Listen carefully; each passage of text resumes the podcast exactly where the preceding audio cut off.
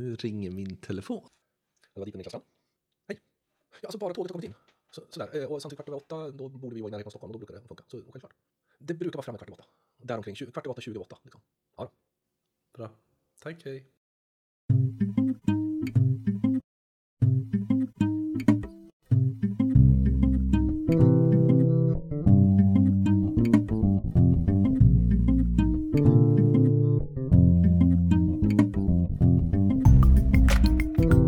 Hej, det här är podcasten Social by Default och precis som alltid är det jag, Sara Larsson Bernhardt, som tillsammans med Deeped Niklas Strand driver den här podcasten.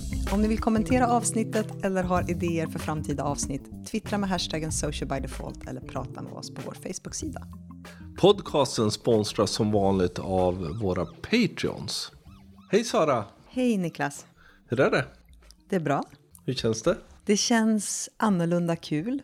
Vi sitter i mitt eh, relativt stora kontor på SKF och du sitter mitt emot mig, vilket Mm. är fantastiskt roligt. Mm. På 14 våningen med liksom utsikt över hela Göteborg känns som. Och du har varit här sedan i måndags. Och jobbat med dig. Ja, inte bara mig. Nej, inte bara dig, utan gjort massa andra saker med folk här uppe på 14 våningen. Du ska se, SKF är som ett slukhål. Nu när du väl har stigit innanför dörrarna så kommer vi liksom Ja, suga upp dig i den vad heter det, corporate-sfären. Sen kommer du aldrig komma ut igen. Men det här är ju lite där, en del har funderat, ja, men vad, vad börjar ni prata om, vad det kommer mer och så här. Det här är ju lite det att du och jag börjar ju nu jobba ihop. Jag som konsult till dig i då ditt jobb runt sociala medier och sån sak. Så det är ju jättekul. Fortfarande som JMV Goldin, men helt enkelt konsult på en, en bit av min tid. Vilket ju är roligt. Så det har varit otroligt roligt att eh, du har kommit hit och fått hänga med oss här uppe. Precis, träffa massa spännande människor. Det är ju spännande, liksom. det, det är ju otroligt spännande att se en ny, ny bransch, en ny liksom, och just att det här man kan tycka liksom, ja, är det här så speciellt och det är business to business, så, men det är ju massa spännande. Och det är ju det som driver mig väldigt mycket, att hela tiden alla branscher har massa spännande saker och de har någonting som faktiskt förändrar världen och det där någonstans kommunikation väldigt mycket handlar om. Ja, och framförallt när man tittar på, på företag, och nu behöver det inte bara vara SKF utan företag i den här storleken, att det finns en annan typ av komplexitet som man kanske inte alltid möts, både när det gäller kommunikation men också när det gäller att få ihop saker och ting. Vi jobbar över olika tidszoner, vi jobbar med olika länder. Alltså allt det här gör att utmaningen blir desto roligare men också desto svårare.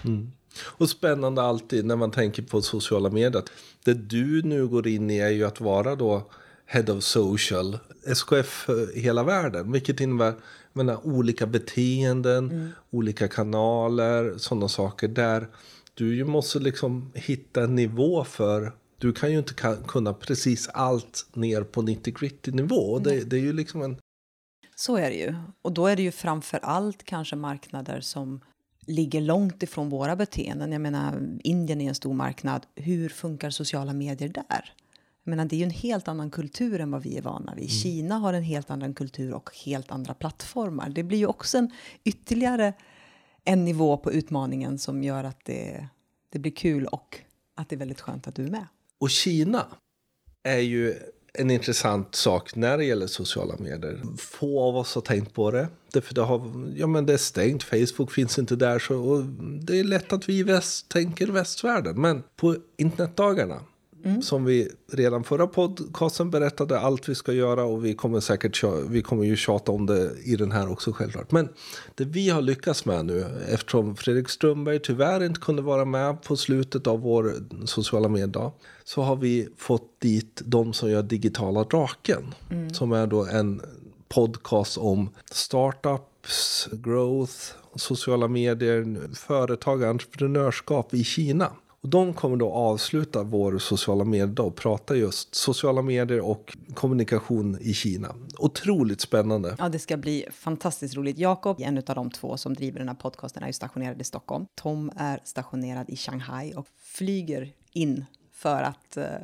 vara med under vårt spår. Mm. Vilket är otroligt roligt. Så att det kommer bli en väldigt bra dag och jag tror inte den kan avslutas på ett bättre sätt faktiskt. Nej, precis. Och ännu andra nya saker som ni kanske sett om ni tittat på så vår andra dag, fa- Fake News-dagen. Där kommer ju Facebook och kommer berätta liksom hur, hur de kommer arbeta med frågan. Men också så just när det gäller sociala medier, Ansi Krohl som vi intervjuade förra podcasten kommer också komma då prata om lite, kan vi liksom mäta fake news? Vad är sanningen? Hur, hur kan siffrorna rädda oss i det här? Och en annorlunda vinkel. Ja. Att sätta just statistik och siffror i ett sånt perspektiv. Och då behöver vi ju i samma andetag då nämna att det finns biljetter kvar. Det finns en kod, IND17. Använder ni den koden så kommer ni få rabatt. Så ta tag i era chefer, eller om ni är chefer själva, se till att ni bokar upp den 20 och 21 november, internetdagarna i Stockholm. Andra grejer som vi fortfarande håller på med. Det är ju bergskursen som vi kommer fortsätta med. Vi har ju en som går i december, mellan den 6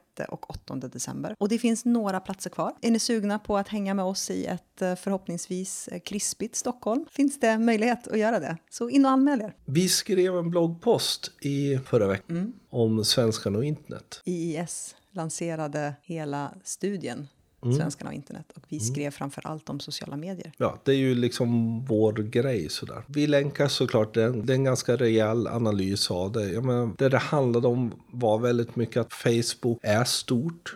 Det är väldigt liksom intressant att titta på då att ungefär 50 procent av den vuxna befolkningen så att säga interagerar och agerar på Facebook. Och att det bara är 12 till 15-åringarna som verkligen inte Hänger där än. jag tror det, någonstans måste vi snart komma ur den här enkla sättet att se Facebook. Att ja, men nu lämnar de och nu kommer de dö och nu kommer det försvinna. Utan snarare börja titta på det som en plattform med massa olika delar. Det som vi återkommer till lite varje år egentligen när de här siffrorna presenteras är just det här att vi ser en ökning av användandet av Facebook. Det är ingenting som folk hoppar av eller hoppar ur utan snarare är det så att mainstreamifieringen av sociala medier och Facebook har funnits med oss så länge så att det är någonting som är så naturligt i vår vardag att jag tror inte vi tänker på det på samma sätt. Det som är intressant i siffrorna är då att se hur vi använder nya funktioner i plattformarna på ett nytt sätt. Jag menar hela messaging-biten. Att, att just det här att inte smsa längre utan vi använder alla chattfunktionerna mer och mer i de här plattformarna. Det är ju någonting som, som vi ser ökar och det är ju någonting som man som företag också behöver adaptera till och fundera på. Liksom, har vi en ordentlig integration av Messenger till vår kundtjänst eller behöver vi utveckla det? Har vi en kontroll på vad vi får för inkommande på Instagram? Allt det där behöver vi ju hela tiden förhålla oss till och då blir ju de här siffrorna så otroligt viktiga eftersom de bevisar det beteende som vi någonstans anar. En annan sak som var då första gången med och det här är saker som har diskuterats nu. Därför vi har ju alltid kritiserat att eh, en del kanaler inte är med. Nu, nu har de fick, fått kritik å andra sidan. Att, ja, men vart tog alla de gamla kanalerna vägen? Pinterest som då är, ja men du är ju den gamla Pinterest-drottningen här i Sverige. Avdankad. Avdankat. Visar sig ju inte vara helt litet. Nej, det är väldigt stort. Och framför allt kanske det är stort utifrån en privat intressesfär. Det är tuffare för företag att vara där för att det är ett sånt otroligt utbud av bilder och eh, innehåll. Men samtidigt så får vi inte räkna bort det. Och jobbar man med någonting som är väldigt visuellt och framförallt riktar sig mot yngre kvinnor är det antagligen så att man måste ändå fundera och, och titta på det om det är någonting värt att använda. För 17 procent av internetanvändare använder Pinterest någon gång. Men där då är det bara 10 procent av männen och, och liksom mycket fler kvinnor. Och där framförallt de unga åldrarna är, är väldigt mycket. Och fundera, hur, hur gör man det? Fördelen för ett företag som har en närvaro på Pinterest är ju att man behöver inte ha den här kontinuerliga vardagliga uppdateringen som krävs i många andra kanaler. Utan man kan faktiskt tillåta sig själv att göra mer innehållsnedslag. Att man laddar upp ett antal batchar med bilder och jobbar med dem under en, kortare period och sen så låter man dem leva under en period och sen så gör man samma sak igen. För jag tror att det återspeglar också ganska mycket av användandet. Att vi går in på Pinterest när vi vill utforska någonting eller vi vill samla på någonting eller vi vill göra någonting. Och så har vi ett fokus och så tankar vi ner ganska mycket. Och sen så går vi ut när vi har gjort den uppgiften. Och så kommer vi tillbaka ett antal månader senare och så har vi ett annat intresseområde. Så det gör ju också att det är ett nätverk som kontinuerligt lever men det gör det utifrån punktinsatser. Förstår mm, du? Mm, mm. Och framförallt att titta på det utifrån en e-handelsperspektiv. För Pinterest har ju gått från att det egentligen var ett socialt medie till att vara mycket mer kopplat till liksom, inspiration. Man spar sina mm. grej, inspirerande grejer. E-handlare kan koppla direkta liksom, konverteringsdelar till det. Så väl värt att titta på. Tvärtom mot Pinterest är ju Reddit. Och Reddit är ju mer din bakgård. Och, och det, det, är ju ganska intressant. För man, börjar man titta på siffrorna, ja, 17% för Pinterest och 11% för Reddit. Båda har ökat ganska markant. Mm. Pinterest så otroligt mycket fler kvinnor som använder än män. Medan Reddit är tvärtom. Mm. Ska vi göra en hobbyanalys av det? Att kvinnor är mer visuellt orienterade medan män är mer skriftligt? Eller? Det är nog helt enkelt så att ja, men, kanske är det så att man lätt lättare ibland tycker jag med forum och det, det, Reddit är ju fortfarande lite anonymt. Det är ju liksom lite som Flashback. Men, men det är markant också framförallt där unga, återigen. Mm unga män hänger på Reddit. Och där man som företag helt enkelt behöver fundera, men har vi ens koll på vad som pratas om vårt varumärke på Reddit? Precis, för det behöver du på samma sätt som du kanske inte borde gå in och engagera dig i Flashback-trådar så behöver du åtminstone emellanåt skumma av och se hur pratar någon om oss där och i så fall utifrån vilken kontext och är det relevant eller inte. På samma sätt behöver du göra med Reddit. Det handlar ju en del av hela social listening-biten. Mm. Att hålla koll på varumärket och vad folk säger och tycker. Det som också var kul som vi inte tog upp i vår är ju någonstans att mobilen är ju så otroligt. Ja men det är ju plattformen vi ja, är på. Det är ju liksom inte ens mobile first längre. Mer än möjligen i vissa business to business delar. Ja, men, och och det, och det har vi ju också pratat om ganska länge. Men att tänka sociala medier medier, finnas på sociala medier, skapa innehåll från sociala medier, då gör man det utifrån en mobilskärm och det mobila beteendet som det bär med sig mm. egentligen. Mm. Och det här är återigen siffrorna visar på det. Alltid tänka liten skärm och tänka på egentligen hur vi beter oss med mobilen. Jag menar, där är ju också det här att vi hela tiden är i rörelse. Jag menar, mm. vi kan ju sitta och jobba på en desktop men så fort vi ska göra någonting som är med det sociala, då plockar vi upp våra mobiler och så mm. gör vi det där. Mm. Som vi brukar säga och sticka ut hakan lite, att ja, men det är kanske så att när man beställer en ny webbsida så ska man fundera, behöver vi bry oss om att desktop-anpassa den? Någonting annat som har hänt i sociala medier, eller som fortfarande pågår, och vi är väl i, någonstans i kölvattnet av det nu, sen vi spelade in förra podcasten, är ju hela metoo-rörelsen. Och den behöver vi ju nämna. Vi ska inte gå in så mycket och prata om egentligen vad metoo handlar om, eller om vi tycker att det är rätt eller fel, utan snarare att återigen se att det här hade aldrig kunnat ske utan tillgång till sociala kanaler. Kraften i metoo, den liksom startade i USA, den dök upp väldigt starkt. Det blev en flodrörelse under några dagar där. Ja, men för mig som man blev jag blev ju både rädd, ledsen, skämdes som en hund. Jag såg liksom alla mina kvinnliga vänner mm. har varit med om något sådär. Så, så det blev en sån stark påverkan så. Och just liksom, det här sker inte utan flöd. Det skulle inte skett på det sättet utan algoritmerna. Nej. Det är också en viktig att inse att Trending algoritmen topics. plockade upp det här nu och såg att liksom det här är någonting riktigt stort och därmed lyftes det upp. Så, så där blir ju liksom sociala medier är ju en möjliggörare för att skapa rörelser som mm. vi inte har kunnat gjort förut. Och det här hänger ju lika mycket ihop med fake news som fake news. Det här är så att säga den goda sidan av de delar som en fake news använder. Och senast vi såg någonting bli så här stort så här snabbt och också över länder, det var ju egentligen ALS Ice Bucket Challenge. Mm. Och det var ett par år sedan. Mm. Och sen har det ju varit små saker som har bubblat, men ingenting med samma magnitud. Och egentligen om man tittar på hur själva utvecklingskurvan på ALS Ice Bucket Challenge och metoo-rörelsen så kan man se ganska mycket liknande paralleller samma sätt hur det började, hur det var ett antal influencers som delade och hur det sen liksom exploderar. Mm. Och media plockar upp det, vilket gör att det kommer en andra våg. Mm.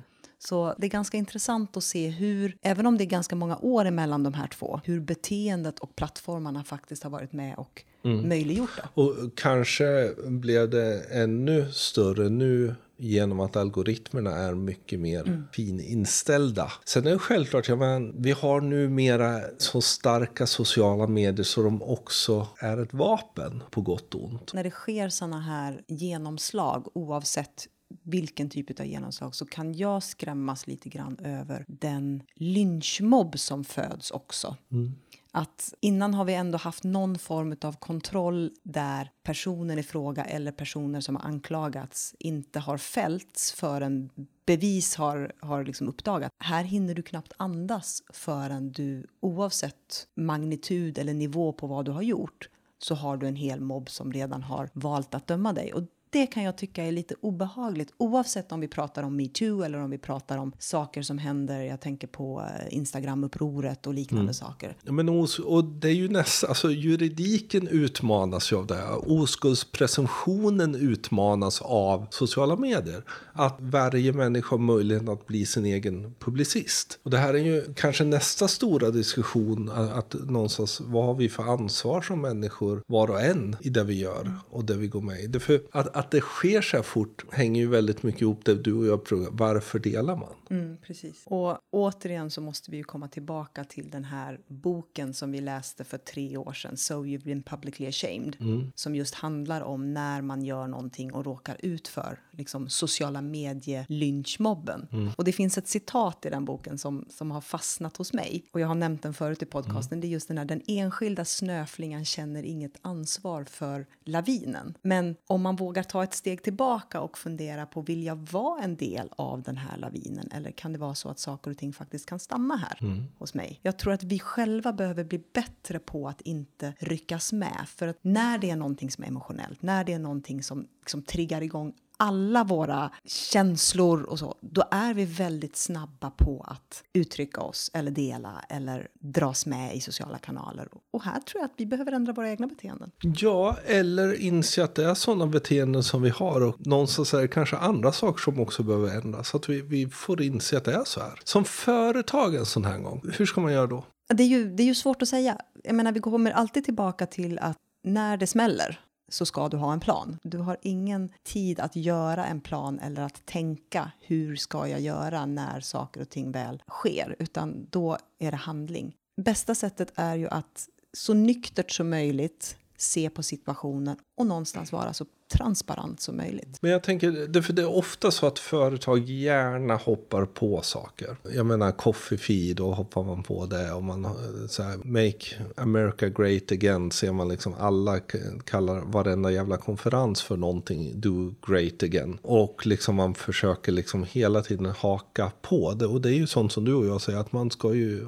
hitta sätt att följa efter. Men en sån här grej, som ett företag som inte har något med saken att göra men samtidigt samtidigt har personer som kanske pratar om det, det pratas om det. Vad ska man göra? Oj, det är jättesvårt. Jag menar, just när det gäller politik så är det ganska lätt att sätta en struktur på företaget eller sätta en policy att vi ska inte överhuvudtaget beblanda oss politiskt mm. oavsett. Och då är det på samma sätt. Ja, men då ska man inte göra någonting great again, för då är man där någonstans och snuddar på eh, det politiska ställningstagandet metoo-kampanjen har jag nog inte sett ett enda företag som har hakat på. Och det kan finnas en anledning till det, för att det kanske är så att inget företag känner sig helt säkert. Nej, Nej men och så är det ju. Men, men jag kan ju tänka mig också att ja, men det här är väl i sådana fall en... Då får man ju se till att veta vad man håller på med och verkligen liksom. Men som företag som vill vara socialt medvetet, som vill vara jämställt, som vill arbeta med de här frågorna. Så är det ju samtidigt också viktigt att fundera kan vi på något sätt lyfta frågan? Mm. Någonstans, inte för att bli, göra sig själv bättre, men ändå att låta varumärket då ändå vara ett aktivt varumärke i diskussionen. Ja, men det här tycker jag är svårt. Mm. För i en sån här rörelse, ta metoo som ett exempel, mm. så tycker jag det är jättebra om man som företagsledare får ett tankeställare och fundera på hur funkar det hos oss? Mm. Men frågan är om man ska outa det eller om man bara ska lyfta det i kontexten av att det sker en sån här grej men inte berätta om det. För då är vi ute efter den här lite grann greenwashing att man hakar på något för att istället för att... Men är det helt fel att göra det? Alltså att, att inte säga att vi är världsbäst och vi har minsann inga, inga karar som tar våra kvinnliga anställda på rumpan. För det, det finns det garanterat i varenda organisation. Men helt enkelt att så här, det här ser vi allvarligt. Vi har arbetat med det under flera år. Vi tycker metoo-rörelsen sätter ljuset på mm. frågan väldigt bra. Och vi, vi kommer kanske accelerera vårt arbete när vi ser liksom, hur än viktigare den här frågan är för väldigt många. Eller någonting så. Alltså förstår du? Att, ja, men vad, i den vad kontexten, finns det att göra sådana saker? I den kontexten så tror jag att man, man skulle kunna göra det om man då har någon form av dokumentation på att man faktiskt har gjort det. Sen vet vi att det har ju varit ett antal branscher som har lyfts nu under det här. Eh, bland annat krogbranschen som har haft problem. Mm. Där eh, man ser att i utbildningarna, restaurangutbildningarna så är det ungefär lika många män som kvinnor men ute i själva arbetslivet sen så har tjejerna hoppat av. Mm. Och man börjar fundera på kan det finnas såna här aspekter som gör det? Och då tycker jag att det är helt rätt. Svår fråga, mm. men ganska spännande att ändå fundera eftersom i sociala medier så får vi också se att oavsett innehållet så blir allting gärna ett mem. Och någonstans som företag bör man hela tiden förhålla sig till varje sån här rörelse. Eftersom jag menar, de flesta företagen skriver en, en grej när det har varit någon terroristattack mm. eller sådana saker. Eller när det är Pride eller sådär. Varför är man då tyst helt plötsligt nu? För att det är för känsligt. Mm. Men och frågan är, ska vi vara så rädda? Någonting annat som vi inte heller har svar på är ju det här lilla experimentet som Facebook håller på med just nu. Ja. De har på ett antal marknader i världen, sex stycken marknader, testat att lyfta ut alla sidor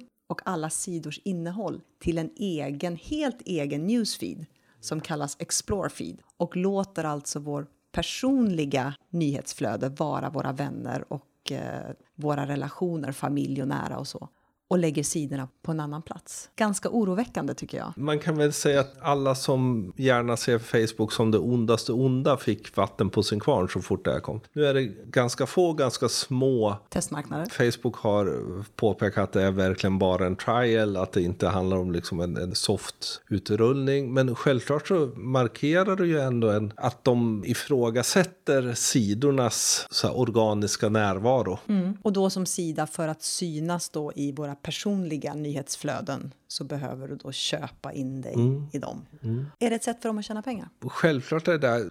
Men så här, Facebook tjänar så jävla mycket pengar. Så de behöver inte göra det här egentligen. Alltså, eh, det är svårt att få igenom sina annonser. Därför det är så många som vill köpa annonser. Alltså, så eh, jag tror snarare handlar om ändå insikten om att det är en så att säga, Facebook som någonting som vi interagerar på minskar lite. Likes minskar, alla så, så här, interaktioner minskar. Vi använder fortfarande, vi läser fortfarande. Men det är 50% i Sverige som gör någonting på, så, så här, som skapar någonting. Eh, så där. Men, men, det är inte alla, liksom. det är många som bara är inne och läser och så. Och det är väl någonstans den saken de vill försöka. Är det så att sidorna stökar till newsfeeden? Är det så att vi vill ha bara ett eget personligt feed och så sen har vi en tidning som man läser med alla sidor sidor som man följer. Paper som de testade för flera, flera år sedan byggde på lite samma idé. Att det är ingen ny idé. Och Facebooks intresse är ju att vi som enskilda användare ska vilja vara kvar där. Därför de vet att vi företag, företagen kommer ändå komma att köpa. Ja, men jag kan, jag kan se det utifrån, alltså, det blir problematiskt för oss sidägare mm. eftersom beteendet hos människan är nog inte att man hoppar emellan olika flöden, utan jag tror att vi är trots allt närmare våra vänner oavsett oavsett vad vi tycker och tänker, mm. vilket innebär att vi kommer stanna i vår personliga newsfeed och så kommer vi någonstans missa allt det braiga som faktiskt sidorna kan göra. Mm. Utifrån ett personligt perspektiv så kan jag också se det problematiskt, för jag har ju ändå någonstans valt de här företagen eller varumärkena eller sidorna som jag vill bjuda in i min sfär. Och det innebär att jag gärna vill ha den mixen. Mm. Och då är ju snarare problematiken hos mig ligger ju i när jag får fula annonser som är feltargetade och känner att men de här har ingenting med mig att göra överhuvudtaget. Det är där jag ser en problematik, inte de sidorna jag har valt att följa. Jag kan tycka det är ett litet gammelmediatänkande också någonstans. Nej, men eh, företagen de får köpa sig plats och det blir liksom annonser liksom. Och så har vi är de enskilda journalisterna som gör det riktiga innehållet. Och jag tror det är feltänk generellt. Jag har svårt att tänka mig att de kommer igenom det. Det indikerar ju på att de kommer inte göra det enklare för sidor att, att öka sin organiska Nej. räckvidd. Den saken. Att köpa är, behöver ju vara ett strategiskt planerat Ja, eh, och, och det kanske är ganska inte så konstigt heller att ändå göra det. Men där man behöver fortfarande som marknadsförare behöver vi tänka till en gång till runt vårt innehåll. Mm. Gör vi rätt innehåll? Gör vi bra innehåll? Gör vi innehåll som är värt att vara i människors feeds? Eller lägger vi bara upp affischer eller rätt tråkigt innehåll bara för att vi vill det? Alltså att, att återigen, mindsetet måste vara sociala medier, inte vara gammal marknadsföring som vi försöker applicera på sociala medier. Och hela tiden titta utifrån mottagarens behov och inte vårt eget behov. Men det har vi ju tjatat om ganska länge också. Jo, men, och det är ju det det svåra. blir ju viktigare och viktigare att göra det. Och där fler och fler hela tiden börjar inse det. Så intressant, väl värt att följa. Facebook har gjort en rejäl pudel någonstans Mm. att liksom, nej men lugna ner er nu.